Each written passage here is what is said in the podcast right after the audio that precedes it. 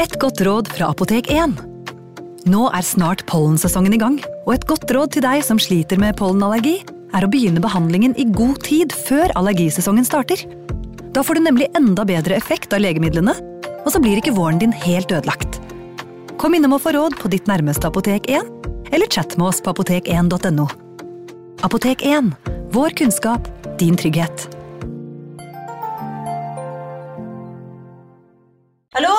Jeg kommer fra Oslo politikammer. Ine Jansen er purk. Er du purk? The motherfucking bitch. Alt jeg vil, er å finne ut hva som skjedde med mannen min. Jon Carew. Er jeg sikta for noe? Iben Akeli. Det er du. Ole So, Lars Berrum og Big Daddy Karsten. Hvem sin side er du på, egentlig? Anette Hoff, Tone Danielsen, Kommer du fra Afrika? Jørnis Josef, Nesten. Kløfta. Trond Espen Seim, Det er synd å si det, men det var feil mann som døde. Purk. Premiere tirsdag på TV2 Play.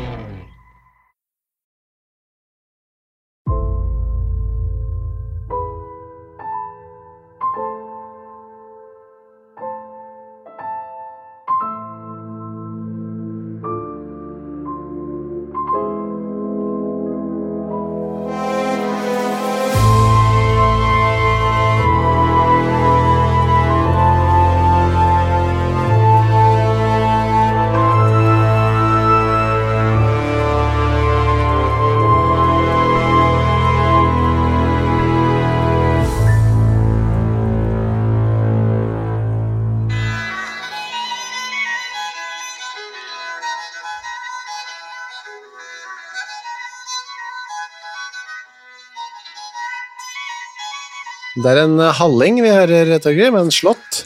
Ja, det er det. En berømt en. Sevliden heter den, eller Sevlin. Ja, det er oppkalt etter eh, vår dagens helt. Og det er eh, historien sier at det er han som har sunget på den nå, og så laget den seg selv. Under spesielle omstendigheter.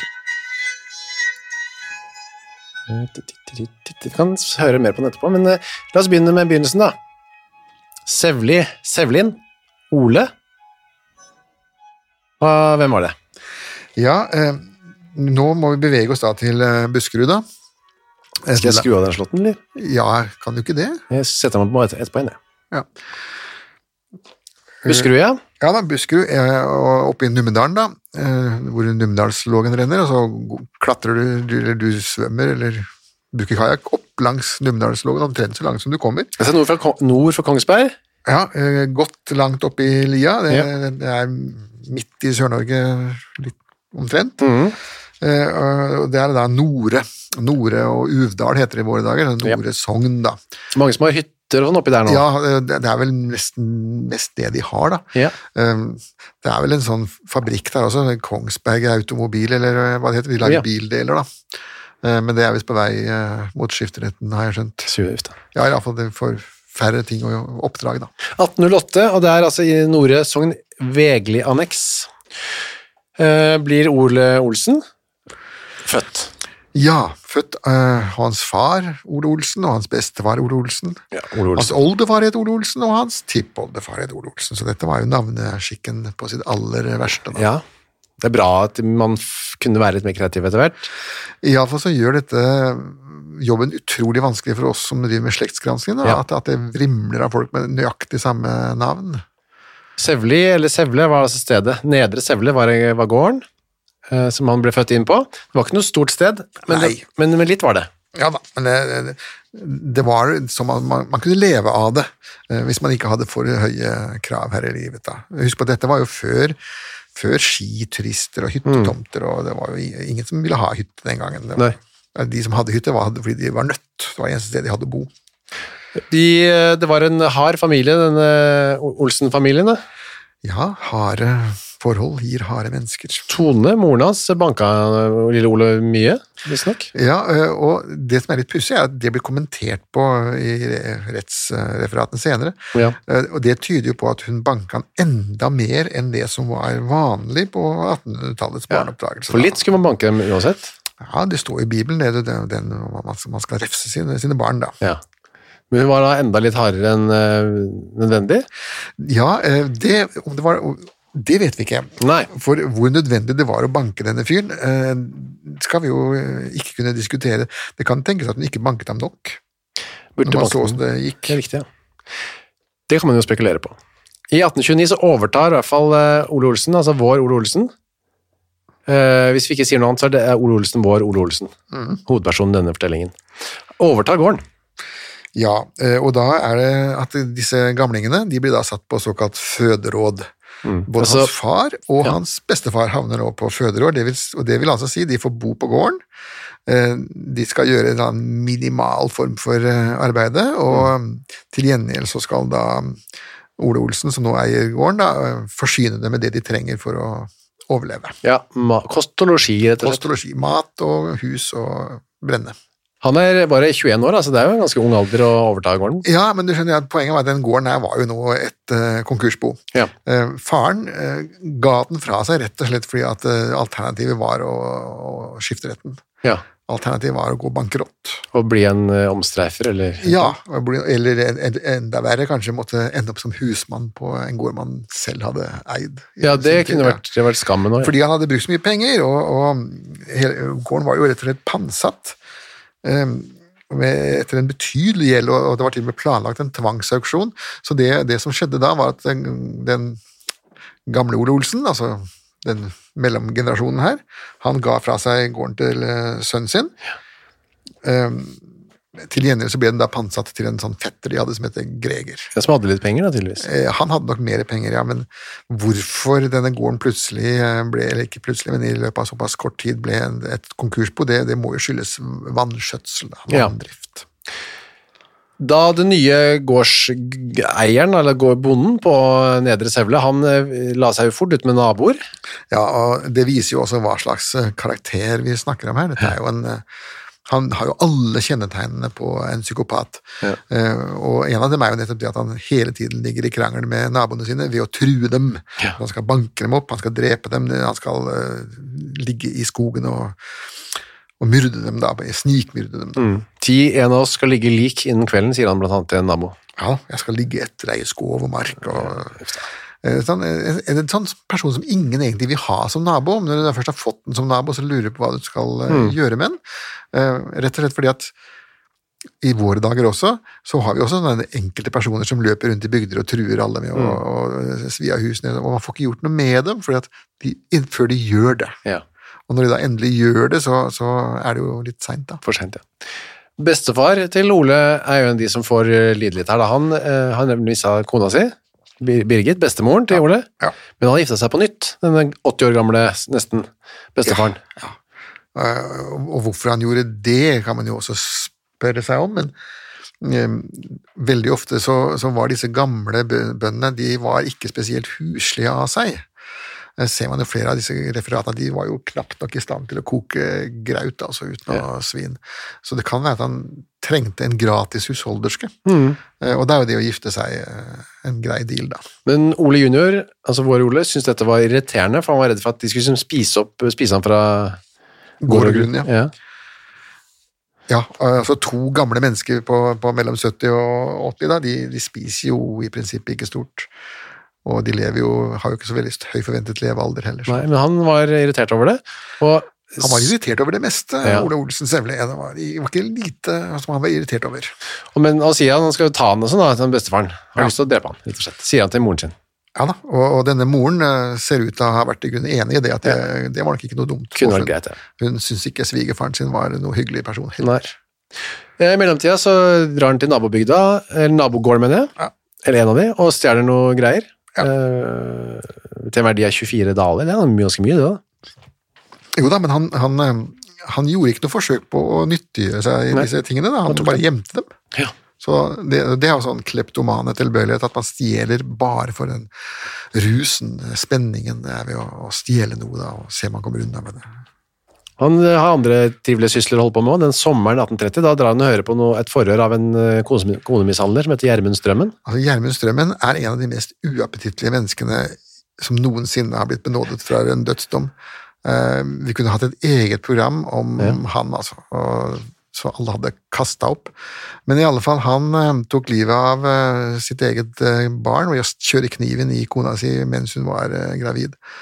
Og det var kulminasjonen på et ekteskap med mishandling og juling fra første til siste sekund. Ja. Men han ble altså da dømt til døden, men ble benådet og begikk da et nytt mord Ja. mens han satt i fengsel på en annen person, eh, inntil han til slutt drepte seg selv. Da. Oh, ja. Så da, tre, tre mord lå bak der, og, men denne rettssaken, det, det syns jo Ole Olsen var eh, morsomt å høre på, da. Det Og inspirerende, ikke minst. Pikante detaljer. Ja. For han sa etterpå at eh, faren hans, altså sin far, burde gjort det samme med bestefaren, altså Storen, som han ble kalt, Ja. som det Gjermund eh, hadde gjort med kona si. Ja, han dro og kjøre kniven inn. Ja, ja. Så er det i denne idylliske familieatmosfæren, så drar de til seters. Ja, er ikke dette bonderomantikk, så vet ikke jeg. Ja. Eh, august på fjellet. Og der drar Ole, vår Ole og faren hans på én seter, og bestefaren og hans nye kone på en annen seter. Ja. Tre børseskudd imellom, det vil si 300 meter. Eh, altså, bøsseskudd, det er en hagle, da, regner jeg med. Ja, det, ja sånn gammeldags uh, Bom. muskedunder. Ja, den skyter ikke så langt, da. Nei, eh, det var, jo derfor, det var jo derfor man kunne ha Soldatene kunne gå rundt med røde uniformer.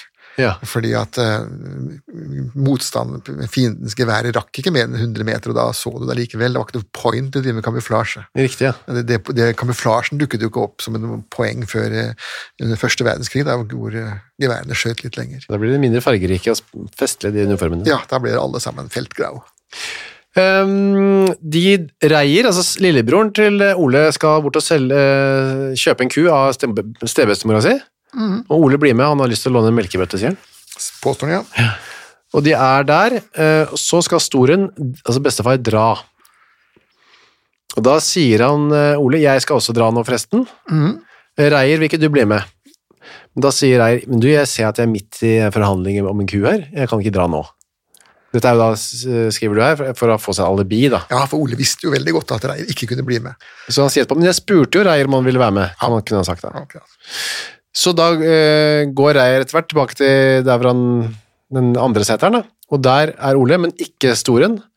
Han finner man dagen etter, eh, eller først finner de eh, prammen hans da, Ja, i et eh. Neste dag finner man prammen, og åtte dager senere så finner man Storen, da, men da er på bånn av tjernet. med lua på hodet. Ja. Og da eh, er Ole med på denne rednings- eller opphentingen, og synes det det er litt ubehagelig da. Han skjelver og rødmer litt. Jo, men det hadde vel jeg gjort òg, tror jeg. Et åtte dager gammelt lik eh, som har ligget i sjøen der, mm. og i august. Ja. Så er det en kvinne som eh, Men ja, altså ingen sier noe her foreløpig, men så Man tenker kanskje at han drukna bare, da. Forløpig. Ja, altså De har ikke noe bevis for noe annet. da. En gammel mann på 80 år kan jo, kan jo få hjerteinfarkt i båten sin og dette i vannet. Det, det kan jo gjøre. Eh, En annen sak er at hvorfor han sank, da. Ja. Det kan man jo lure på. For at eh, Hvis du detter i vannet og, og dør, så, så flyter du en stund. eh, Ganske lenge, egentlig, fordi at du har jo luft i lungene. ikke sant? Ja. Det er jo først hvis lungene blir fylt av vann, altså hvis du drukner, hvis du fysisk lever når du er i vannet, så puster du inn vann, så synker du. Oh, ja. Uansett så var det en dame som vasket eh, dette liket, og hun finner to hull i hodet, ett foran og ett bak. Mhm. Eh, men hun sier ikke så mye, gjør ikke så mye nummer ut av det, da. Bortsett fra at hun kanskje sier det til noen etter hvert. For etter hvert så går da ryktene om at Ole hadde, har drept bestefaren sin. Ja. Eh, Og, når man leser rettsreferatet nå, så er det vel nokså opplagt at han hadde gjort det. Ja. Det han gjør, Ole, er at han tar to av de tingene som han stjal denne naboen, en skjorte og en pengepung, og legger det under trappa til hun Anne som eh, vasket eh, liket. Ja, For å få mistenkeliggjort henne, slik at Ja. du kan få stoppet kjeften på det mennesket der, da. Ikke høre på henne, hun er bare en ussel tyv, kan man si det. Ja. Men så øh, finner man jo også eh, Moren hans finner resten av tyvegodset på stabburet hans, altså der hvor han hadde lagt det. Så da skjønner jo hun at uh, det er jo du som har stjålet dette, Ole. Ja. Og det å, det å stjele ting, og så gjemme dem på sitt eget stabbur um, Da er du jo ikke bare psykopat, men da er du jo en dum psykopat. Ja. Og det er jo en veldig dårlig kombo, da. Hun, eh, hun klarer å glatte over situasjonen. da. Foreløpig altså foreløpig så går det veldig greit for Ole, dette her. Selv om det er på nippet nå, så drar hun til de som fikk stjålet tingene. La oss slå en eh, strek over dette. Ja vel, sier de. Ja vel, sier de. Um, men hva var alternativet? Dette var jo en beryktet slåsskjempe Ja. som, som eh, nå sannsynligvis også var morder.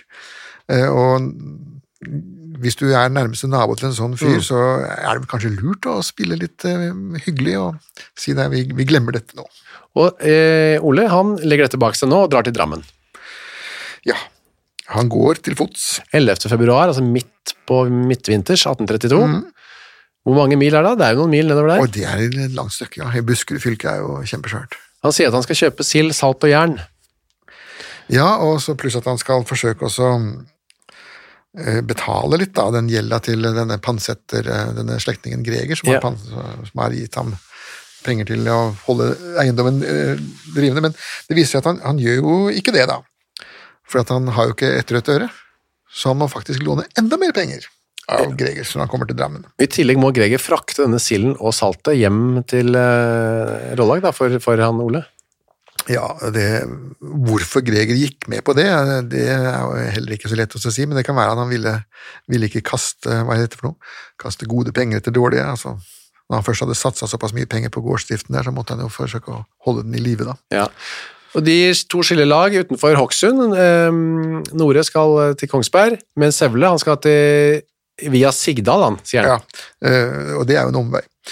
Men han sier at han hadde hastverk, og det, det er også en sånn besynderlig forklaring, da. I Sigdal 19. februar så møter han en som ble kalt for Sølvtølløv. Ja, Tollef, eh, som de beskriver ham med litt penere, penere betegnelser i, i sorenskriveren. Tollef Gjermundsen Kittelsland, og han eh, er en sånn sølvhandler, eller han fall Skreppekremmer, ja. Ja. Eh, høker, altså en som har ikke noe bod eller noe butikk. Han har alle varene sine i skreppa, og går fra gård til gård og spør jentene har de lyst på noen søljer eller ringer eller Ja. Og ting, kjøper de, så har han pengene på seg. Ja. For dette er jo sånn bunadspynt, da. Sånn, sølv var jo veldig vanlig å ha den gangen. Gull var det mye, mye mindre av. Det var jo dette, alt dette sølvet her, det ble jo inndratt i, eh, i 1814, da, under sølvskatten, da vi skulle prøve å lage vår egen valuta. Så mye av det forsvant jo, da. Ja. Han var i hvert fall en ganske relativt sett i hvert fall holden mann, da. Eh, Sølvtølløv.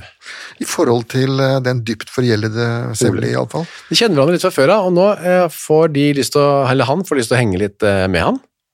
Ja, i Eggedal. Eggedal, ja. Det er via ditt for øvrig, apropos. Ja. Um, der blir han nå i fem dager, da, Ole. Og han eh, sier at han ble sårbent, derfor han ble værende der. da. -hmm. Men det stopper han ikke fra å feste ganske hardt. Nei da. Hver natt med dans og drikk og dyktige hallingkast. Fordi på Google og så videre, hvis man googler han her, og Sevlin, så står det at Sevlin er en, han var en gammel mesterdanser. Ja, han hadde iallfall et rykte på seg for å være god på det, da. Ja, så han uh, Hallingkast, altså det er det disse man sparker sånn hatt av uh, Ja, står en dame med hatt på stokk, da. og Ja. Det er en del varianter av den. Det var han god til, da, tydeligvis. Ja, og det er jo imponerende etter å ha gått fra Nore og ned til Drammen og så halvveis tilbake igjen, så at han fremdeles var i stand til å løfte beina.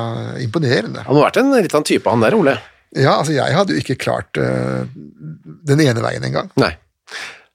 Etter fem dager så er han på en gård som heter Enger, sammen med Sølvtølløv. Og de spiller da kort som han gjorde, men som heter Asbjørn Enger. Det er vel han bodde der, da, sikkert. Ja, bonden.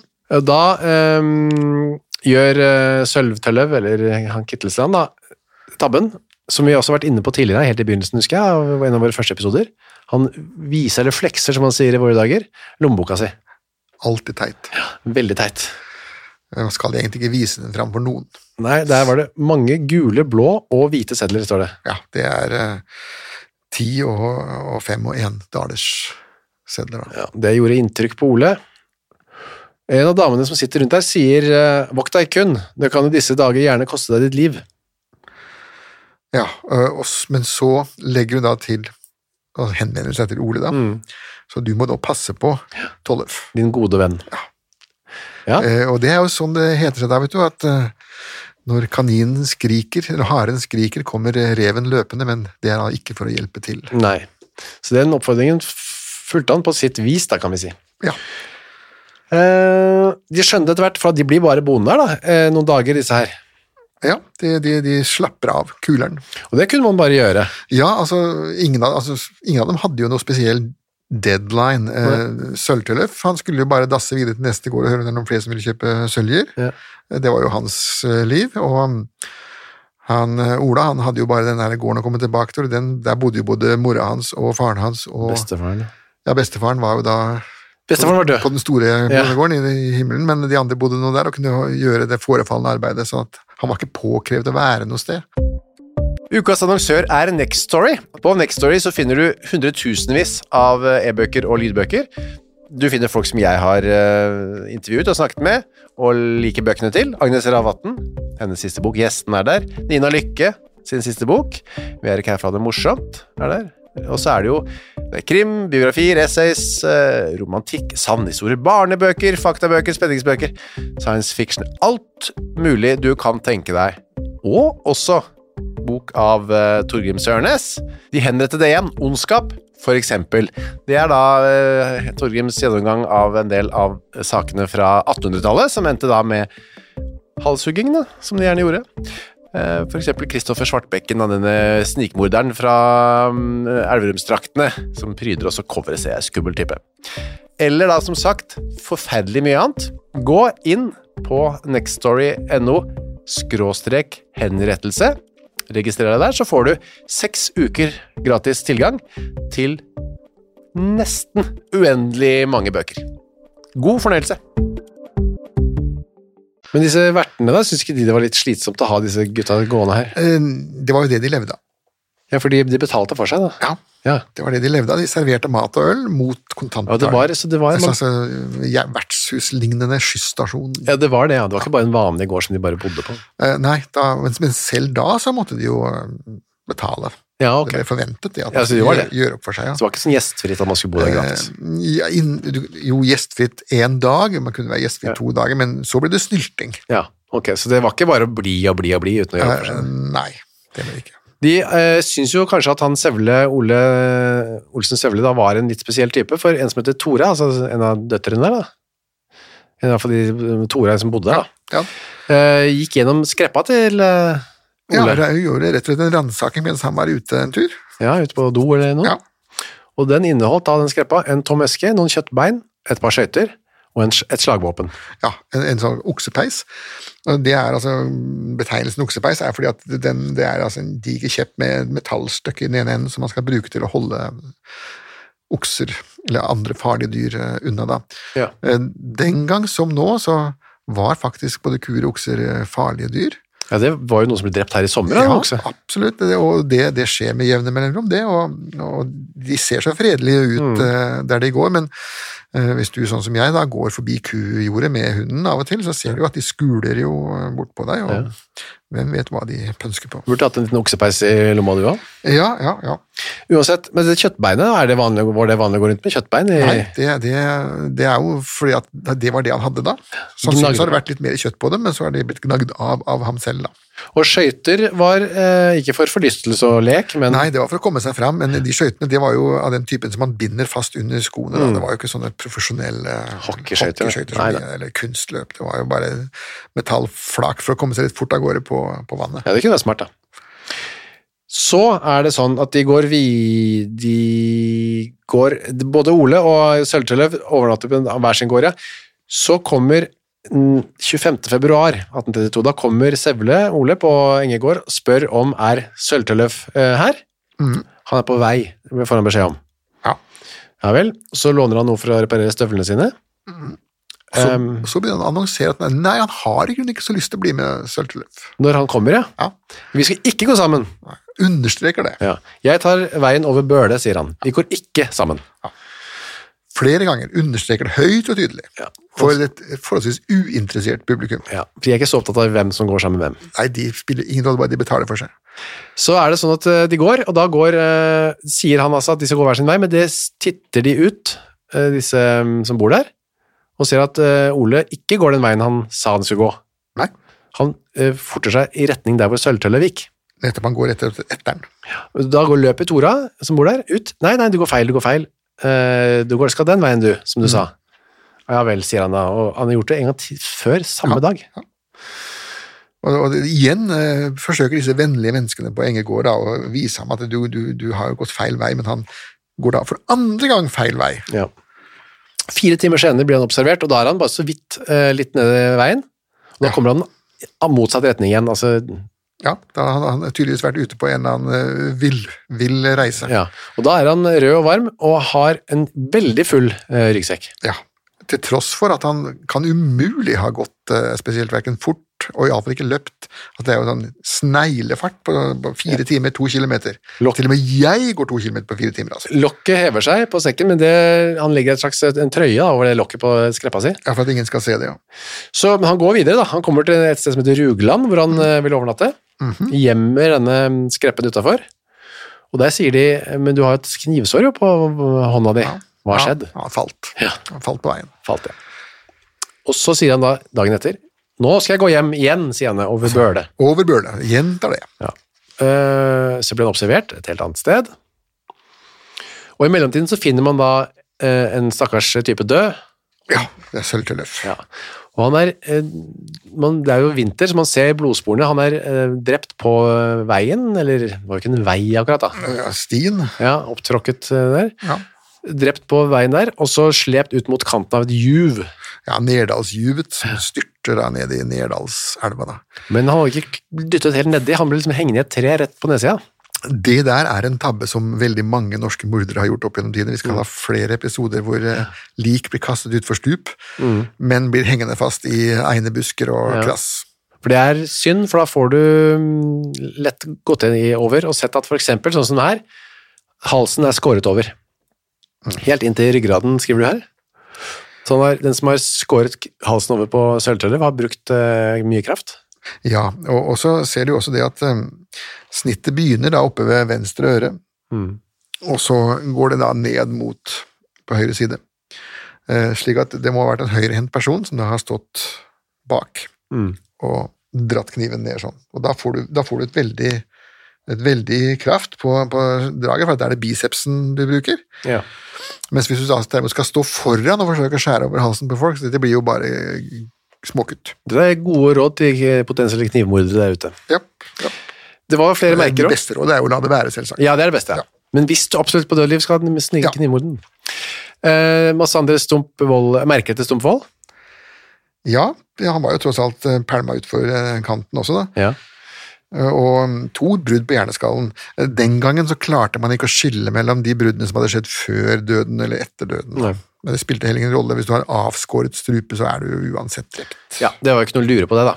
Rundt disse blodsporene finner man eh, spor av støvler, og de støvlene hadde en spesiell form på helhjernet sitt.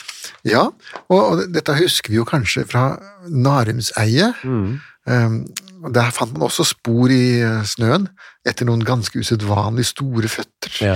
Eh, her hadde ikke Sevli så store føtter, men han hadde mekka sine egne støvler med eh, et hæljern som da kun fantes ett sted.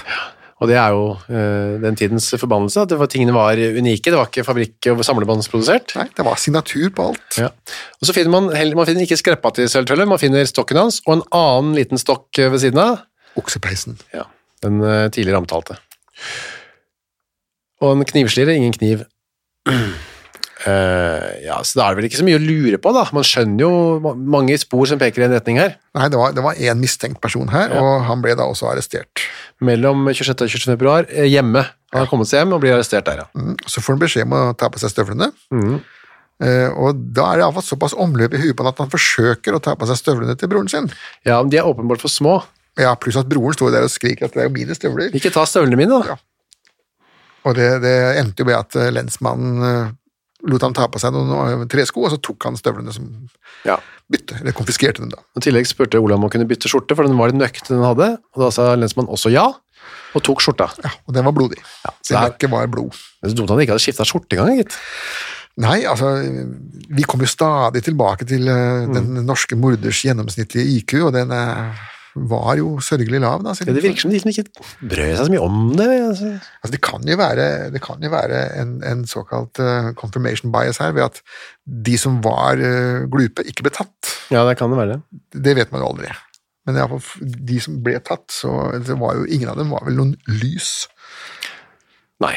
Og så var det sånn at uh, man fant ting En annen seter fant man. Ja, denne Slukkedalsseteren, da. Ja. Og den uh, ransaket man jo flere ganger, godt og grundig. Den tilhørte jo uh, Sevli. Og der fant man uh, til slutt alt innholdet som hadde vært i Sølvtløvs Sølvtelløvs da. 54 daler i sedler og en masse smykker og sølvtøy. Inni en strømpe som hadde blitt lagt under noen steiner. da. Og eh, det er klart at når man da finner bytte på den måten der, så blir jo eh, I prinsippet så skulle jo resten av forhøret og rettssaken og sånt være rimelig enkelt. Eh, nå står jo, står jo altså da Sevlin her med ryggen mot veggen, som det heter. Så det han gjør, det er at han går inn og blånekter for alt, uansett. Ja. Han blir spurt hvorfor gikk du feil vei da du gikk for, for Enger. Jeg skulle bare tisse, sier han. Ja, gang på gang skulle han tisse. Ja. Må ha hatt en svak blære. Han var en ung mann, han skulle ikke hatt prostata. Eh, Hvorfor brukte han så lang tid fra Enger til Rugland, da hvor han ble tatt da, etter fire timer? Eller ikke tatt, men observert. Ja. Det, det skyldte han ikke regnskap for bena sine, fordi det var de som gikk. Ja, det var hans egne ben. Han Ja. Ferdig med det. Eh, hvorfor hadde oksepeisen kommet ned i skrepen? Noen hadde lagt dem der, lagt den der, og så. Og han kunne ikke vite hvorfor de hadde gjort det. Det var umulig. Altså, det er det er bare nei, nei, nei. nei. Hvordan hadde Sølvtøllers varer havnet på Slukkdalsseteren? Det vet jeg ikke. Men så, var det, så satt han altså et år i lensmannsarresten, eh, noe som het Kopseng i Eggedal. Da. Ja. Og, og grunnen til at dette tok litt tid, eh, er jo blant annet eh, dette med tilståelsen. Ja. Eh, de satte umåtelig stor pris på tilståelse. Så de ville at han skulle komme Ja, det, det, var, det ble kalt for pro confesso, den sanne tilståelsen, eh, og den var et kostelig gode. Det var ikke nok til å dømme folk, men den burde absolutt være med, som han nå bearbeidet Sevli og om igjen og om igjen for å få ham til å tilstå, men han var altså hard som flint. Men eh, da døde lensmannen plutselig oppi alt det. Og da fikk eh, Ole lov til å stå utenfor vinduet. Da det var en sånn eh, tale i begravelsen. Ja, og da gråt han. Som et barn, sies det. Ja. Um, noen vil jo kanskje si at det tyder på at han kanskje ikke var psykopat likevel, Ja. men de, de kan gråte, de også. ja. Men eh, det er jo helt overfladiske følelser. Altså, det er jo et, et lite spill av følelser som ikke har noe med realiteter å gjøre i det hele tatt. Et slags show. 7. februar 1833 så blir han dømt i første instans. Etter stimannsparagrafen, altså den som landeveis... eh, Ja, rett og slett. Nå skjønner Ole at dette her ikke går veien. Mm. Og da eh, er det sånn at på den tiden som jeg har lært, så var det ofte ikke så vanskelig å stikke av, hvis man ville. Nei, det, det var, eh, det, han, han var under bevåkning av en 15 år gammel guttunge. Hos lensmann Bellerud, altså på Ja. gården der da. Ja, på gården, ja. Det var lensmannsgården. Og så sier Sevle at nå skal jeg ut og tisse, og det må han jo få lov til. Og så går han ut og sist og kommer da ikke tilbake. Det er en gutten på 15 år som sier, ja, du får gå ut da. Ja. Og, og så kommer han ikke inn igjen. Nei, det er jo veldig, det er, må si det er et slapt vakthold. Amatørmessig ville vel kanskje Ja. Han fikk også sparken, da, så det var ikke så vanlig på en måte likevel. Det var slappere til og med enn man syntes var greit på den tiden. Ja, altså, han Bellerud han fikk jo sparken som lensmann, men eh, det var eh, verre straff. Altså, denne selve fangevokteren, Ja. han jo, ble jo dømt til tre år på straffarbeid. Eh, Og i eldre tider, før dette igjen, så kunne fangevoktere som lot fangen slippe unna, bli dømt til selv å måtte ta samme straff. Altså ikke dødsstraff, men sitte inne da. Da. Eh, Og bøter, det, det var jo ren ruin ofte for de som slapp forbrytere unna. Skulle tro de passet litt bedre på det. De var jo ikke vant til det, dette var jo ikke noe de gjorde til daglig, dette var jo ikke profesjonelle fangevoktere, dette var jo gårdsgutter og gjetere og alt mulig slags som ble dratt inn, fordi at de bøndene som hadde fått som oppgave, de delegerte jo den umiddelbart videre, Ja. og den som hadde fått den delegert videre, delegerte den videre igjen, helt til det kom til en som ikke kunne si nei. Og det var gjerne da den minste og den dummeste. Lavest på rangstigen. Ja, ja. Dritt flyter nedover bakke. Sevle, da han rømmer hjem da, eller til Langseteren, eh, hvor han møter mora si. Ja, Det var der han var eh, først den sommeren hvor han drepte bestefaren sin, var det? ja da. Hun skjuler, moren av Tone skjuler bankeren da han var liten, men nå skjuler hun ham for eh, myndighetene. Eh, absolutt. Eh, hun skjuler ham, og ikke bare hun, men hele, som det står skrevet i, i avisene, hele hans tallrike slekt. Altså, Ja. Det er en hel klan med sevler nå, som ser det som sin oppgave å berge lillegutt ifra, ifra bøddelen. Ja. Så han lever nå i så mye som to år, lever han ute. Ja da. Og eh, det blir utlovet en belønning på 50 daler, eh, og den er det da veldig få som vil ha, eh, av frykt for eh, Ole Hevlis og hans tallrike families hevn. Ja, fordi det er en slags klan, dette her. da. Dette er en slags mafia, ja. Eh, Selvoppnevnt klan som, som forsvarer sitt utskudd. Han lever altså der ute i skog og litt sånn på nåde for forskjellige slektninger i to år. Ja. Og Hø- Høyesterett eh, bekrefter dødsdommen, eller nei, ikke Høyesterett, men stiftsoverretten. Ja. eh, Dødsdommen, så det er ikke noe vits for han å bli tatt, for å si det sånn. Nei da, han, han ble dømt in absentia, som det heter. Eh, eller som det het den gangen, da. Men en eller annen eh, snitcher, da, som det heter i våre dager, på han, og han eh, blir tatt etter to år da, og Ja. satt i fengsel. 50 dager, det er 50 dager, vet du. Ja. Og da får han også i fengselet høre at Høyesterett har eh, godtatt dommen. Du skal også. skal Mm. dø. Da rømmer han igjen, da. Opp gjennom pipa, som Ja. julenissen. Julenissen kommer ned i den pipa. Han gikk opp. I, og nå rømmer han, det er i Kongsberg arresthus, men nå blir han ikke værende så lenge på frifot denne gangen, da. Nei, men uh, denne dusten rømmer jo tilbake til, eh, til hjembygda igjen, da. Mm. Uh, og denne gangen til og med til gården Kittelsland, Hvor han hvor altså Sølteløf opprinnelig kom fra. Ja. Uh, og han har noen slektninger der da, som angir ham til politiet. Ja, For nå har også belønningen steget til 200 dollar. Ja, Ganske mye penger. Det er et tilbud veldig få kan avslå, Ja. vil jeg tro. Så er det da i dag er det ikke noe mer å lure på, og han eh, konge Karl Johan bekrefter dommen, avslår all benådning, og man bestemmer seg for å ha eksekusjonen i Nore, da. Litt for, for å skremme disse tallrike sevlene, da, for å Ja, virkelig sette gudsfrykt i familien. Men- Men, ja. så er det Justisdepartementet da, som eh, ikke, Han har jo drømt nå to ganger, og Mm. Nå uh, syns de at det, er- nå må man øke sikkerheten noe, så hvorfor ikke da ta rett og slett og henrette ham på Kongsberg, der hvor han nå sitter inne. Ja. Stengelsrudmoen. Ja. En halv mil nord for Kongsberg, står det her. Ja. Og steile og hjul. hva? Ja, det er stimannsparagrafen, det. Mm. Hodet på stake og kroppen på steile og hjul, ja. Men han slapp jo denne knipingen, da. Og det. Ja. Det er ikke Anton Ledel lenger som får lov til å gjøre den jobben. Nei, altså Anton Ledel hadde jo skandalisert seg såpass grundig med de siste to henrettelsene sine, da, hvor han stå der og så sagde og, Mm. og hakka, sånn at eh, nå er hans sønn, Guttorm, Ja. Guttorm som tar over, og det er en, en voksen mann i sin beste alder. Og han er blitt konstituert som skarpretter, og nå skal han vise hva han eh, kan, da. Henrettelsesdagen er 16. desember 1834. Uh, han avslår visstnok da uh, tilbudet som presten kommer med om litt sånn åndelig backup. Ja, det sogneprest Sten, ja. Um, så den berømte uttalelsen, da, så, så spør Sten er det, kan du ikke tilstå at du iallfall er, er skyldig til døden, og da svarer Sevle er mer alle skyldige til å dø. Og Det er jo for så vidt sanne ord, men det var jo et tvetydig utsagn. da. Ja. Og når jeg spør vil du ha åndelig assistanse, jeg, jeg tenker Sevlin greier seg sjøl. Ja, og det var vel hans slagord i livet. Ja. Og så er det fram på eh, skafottet der, da, på retterstedet, oppe i den Stengelsmoen i desember i, i Kongs, utenfor Kongsberg. Så kommer da Ole, og da sies det altså, ifølge legenden, at han nynner på denne Hallingen. Hallingen her, ja. Den heter jo da Sevlin, denne her, og er oppkalt etter han. Ja, ja. Hvor sannsynlig er det, tror du, at han faktisk gjorde det? Eh, Det kan godt være, men det- ryktet som går, er jo at, han, at hodet hans fortsatte å tralle på den etter at det var av. Og Ja. det er vel muligens å strekke det litt langt, da. Tror du det? Ja, altså, munnen hans har nok beveget seg, for det gjør den jo alltid hos de som har fått eh, avkappet hodet, men han kan jo ikke tralle på noe, det kommer jo ikke noe luft opp gjennom en avskåret hals. Det kan se ut som han ville det, kanskje, da, hvis Ja. munnen beveger seg. Could be, altså, at vi vet jo ikke, vi får jo ikke spurt den, da. Det er eh, mulig å gå inn på Spotify, ligger en Sevlin kan gå og høre på. Kan man se for seg Sevlin komme ut der da, for siste gang og nynne, kanskje han tok et lite halvinnkast da, på skafottet der. Mm.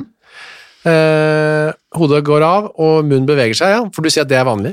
Ja, øyelokk og, og munn beveger seg. Eh, som vi var inne på en annen gang, hodet lever jo sannsynligvis en 30 sekunder Ja. etter at det er av, da. Da forsøker vi da å gjøre et eller annet.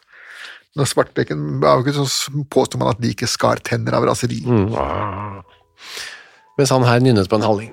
Ja, ja, enhver har sin måte å møte sin eh, skaper på. Og det gjorde han også. Takk for denne ukens eh, beretninger fra de gode gamle dager, Torgrim. Vær så god.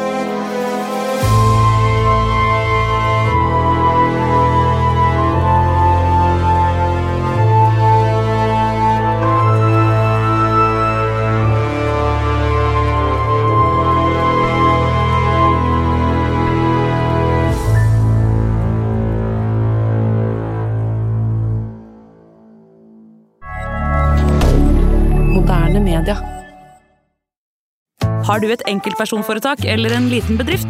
Da er du sikkert lei av å høre meg snakke om hvor enkelt det er med kvitteringer og bilag i fiken, så vi eh, gir oss her, vi. Fordi vi liker enkelt. Fiken superenkelt regnskap. Hei, takk for at du hører på Henrettelsespodden. Skulle du ønske at du kunne høre en ny episode av denne podkasten hver eneste uke? Ja, da er det bare å laste ned podkastappen Untold med en gang. I tillegg til at du får da Henrettelsespodden en gang i uka, så får du andre ukentlige podkaster som Historiepodden, True Crime-podden og Gangsterpodden, for å nevne noe. I tillegg til masse annet reklamefritt og eksklusivt innhold, blant annet noen godbiter, da, signert Torgrim og meg. Last ned Untold i AppStore eller på Google Play, og start din 30 dagers gratis prøveperiode i dag.